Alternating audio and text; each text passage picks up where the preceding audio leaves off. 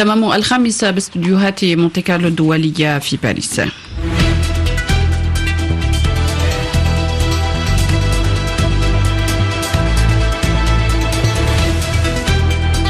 نشرة جديدة لآخر وأهم الأخبار. معك آدم جبيرة. صباح الخير آدم. صباح الخير شيرين. طب صباحكم مستمعينا الكرام في أبرز عناوين هذه النشرة.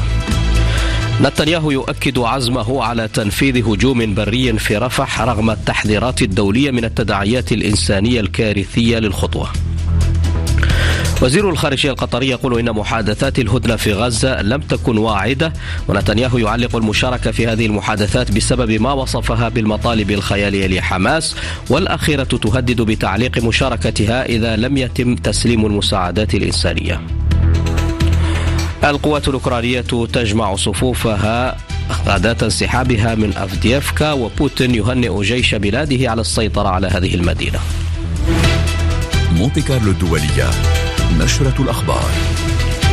مرحبا بكم. ردا على سيل من الدعوات الدولية بما في ذلك من الولايات المتحدة الأمريكية لعدم المضي قدما في عملية عسكريه بمدينة رفح في قطاع غزة. أكد رئيس الوزراء الإسرائيلي بنيامين نتنياهو أنه عازم على تنفيذ هجوم بري في المدينة الواقعة في أقصى جنوب القطاع حيث يتجمع حوالي مليون وأربعمائة شخص معظمهم من النازحين على الحدود المغلقة مع مصر. زياد حلبي. تمسك رئيس الوزراء الإسرائيلي بنيته شن هجوم بري على رفح حيث أكد في مؤتمر صحفي أنه أبلغ الرئيس الأمريكي أن إسرائيل ستستمر في القتال حتى تحقيق النصر الكامل على حد وصفه بما في ذلك عملية عسكرية في رفح مع السماح للسكان هناك بالانتقال إلى مناطق آمنة. ومن يدعونا للامتناع عن تنفيذ عملية في رفح يقول لنا إن علينا أن نخسر الحرب كرر نتنياهو. نتنياهو وصف مطالب حماس بخصوص صفقة التبادل بالواهمة والاستجابة لها تعني هزيمة لإسرائيل ولهذا لن تقبل بشروط حماس. لكن في حال تراجعت حماس عن هذه الشروط يمكن التقدم قال نتنياهو. هذا الكلام ضاعف قلق عائلات الأسرى في إسرائيل حيث تظاهر الآلاف منهم وطالبوا بصفقة تبادل فورية فيما طالب كثيرون من المشاركين بتبكير موعد الانتخابات في إسرائيل. إسرائيل. زياد حلبي القدس مونتي كارلو الدولية. وبخصوص موعد الانتخابات رفض رئيس الوزراء الإسرائيلي فكرة إجراء انتخابات مبكرة وذلك في الوقت إذن الذي تجمع فيه آلاف الإسرائيليين في تل أبيب للمشاركة في احتجاج مناهض للحكومة كما أشار زياد. في غضون ذلك تواصل القصف الجوي الإسرائيلي وخصوصا في خان يونس ورفح موديا بحياة العشرات في الساعات الأخيرة وسط تزايد المخاوف بشأن عشرات المرضى والمصابين والكوادر الطبية المحاصرين بدون ماء وطعام طعام وكهرباء في مستشفى ناصر بخان يونس. وسام أبو زيد. بشكل متزامن شنت المقاتلات الحربية الإسرائيلية سلسلة غارات عنيفة على مخيم النصيرات ومنطقة الزويدة وسط القطاع مستهدفة منازل سكنية أسفرت عن سقوط عدد من الضحايا وعشرات المصابين. وقبل هذه الغارة بساعات تم انتشال عشرة قتلى فلسطينيين إثر استهدافهم بمدينة غزة إلى جانب تدمير منزلين آخرين بحي الصبرة جنوب المدينة. أما في خان يونس جنوب القطاع قالت وزارة الصحة إن الجيش الإسرائيلي قام باعتقال عدد كبير من الطواقم الطبية كانت بداخل مجمع ناصر الطبي الذي حوله إلى ثكنة عسكرية. يأتي ذلك عقب إعلان المكتب الحكومي بغزة عن إلقاء إسرائيل أكثر من 66 ألف طن من المتفجرات على غزة منذ بدء الحرب.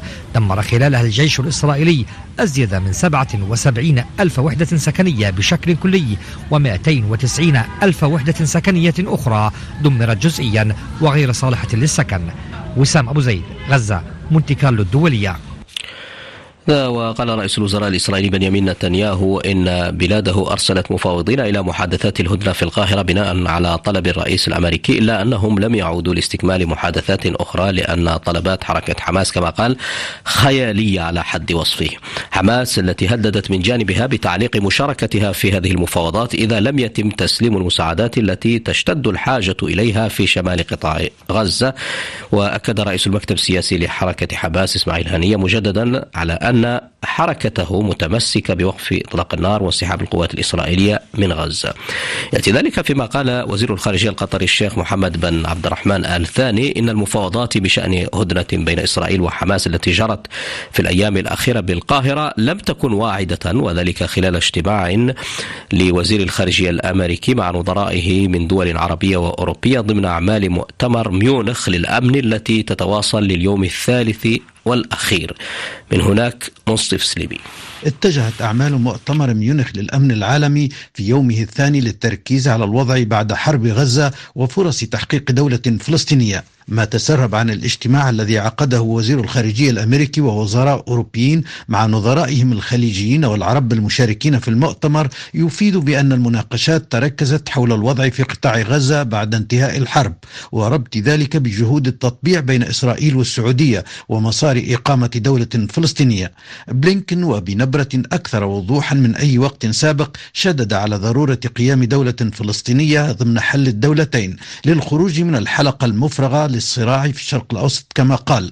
من جهته اعتبر وزير الخارجية السعودي الأمير فيصل بن فرحان آل سعود حين سئل عن التطبيع مع إسرائيل بأن الأولوية الآن لوقف الهجوم الإسرائيلي على رفح. الرئيس الإسرائيلي وبخلاف رفض رئيس وزرائه بنيامين نتنياهو حول موضوع إقامة الدولة الفلسطينية اعتبر أن التفاوض بشأن قيامها وارد لكن ليس قبل القضاء على الإرهاب الذي تمثله حماس ومخاطره على الإسرائيليين كما قال. منصف سليمي مؤتمر ميونخ مونتي كارلو الدولية. هذا وشارك عشرات الآلاف في مظاهرة مؤيدة للفلسطينيين بلندن شهدت اعتقال الشرطة ل 12 شخصا بتهم بينها التحريض على الكراهية والعنصرية والاعتداء على عناصر الشرطة. وقد ألقت الحرب في غزة بظلالها على أعمال القمة الإفريقية التي تتواصل لليوم الثاني والأخير في العاصمة الأثيوبية أديس أبيبا. أديب الصوفي. الحرب الدائرة في غزة بين إسرائيل والفصائل الفلسطينية ألقت بظلالها على هذه القمة حيث دعا رئيس الوزراء الفلسطيني محمد شتية في كلمة له أمام القمة القادة الأفريقيين إلى رفع الصوت لوقف هذه الحرب والاستيطان الإسرائيلي في الضفة الغربية. تطورات النزاع في السودان والأوضاع في الصومال بالإضافة إلى الوضع في القرن الأفريقي هي في صدارة الملفات التي يناقشها القادة الأفريقيون. تنعقد قمة الاتحاد الأفريقي أيضا في وقت انزلقت السنغال المعروفة بأنها واحة استقرار وديمقراطية في أفريقيا إلى أزمة خطيرة منذ أوائل الشهر الجاري نتيجة تأجيل الرئيس ماكيسال الانتخابات الرئاسية. وتغيبت ست من الدول الأعضاء الخمسة والخمسين عن هذه القمة بعدما تم تعليق عضويتها بسبب انقلابات حيث انضمت الجابون والنيجر العام الماضي إلى قائمة الدول المحظورة وهي مالي وغينيا والسودان وبوركينا فاسو. وتم بعيد افتتاح القمة انتخاب الرئيس الموريتاني محمد ولد الغزواني رئيسا دوريا جديدا للاتحاد الأفريقي لعام 2024 وتصاعدت التوترات بين إثيوبيا والصومال في افتتاح هذه القمة وذلك على خلفية الاتفاق البحري المثير للجدل الذي تم التوقيع توقيعه بين أديس أبيبا ومنطقة أرض الصومال الانفصالية واتهمت الصومال الأمن الإثيوبي بمحاولة منع رئيسها من بلوغ المقر حيث تنعقد القمة ويندرج هذا الخلاف في إطار سلسلة صعوبات أشار إليها رئيس مفوضية الاتحاد الإفريقي موسى فكي محمد في خطابه الافتتاحي للقمة.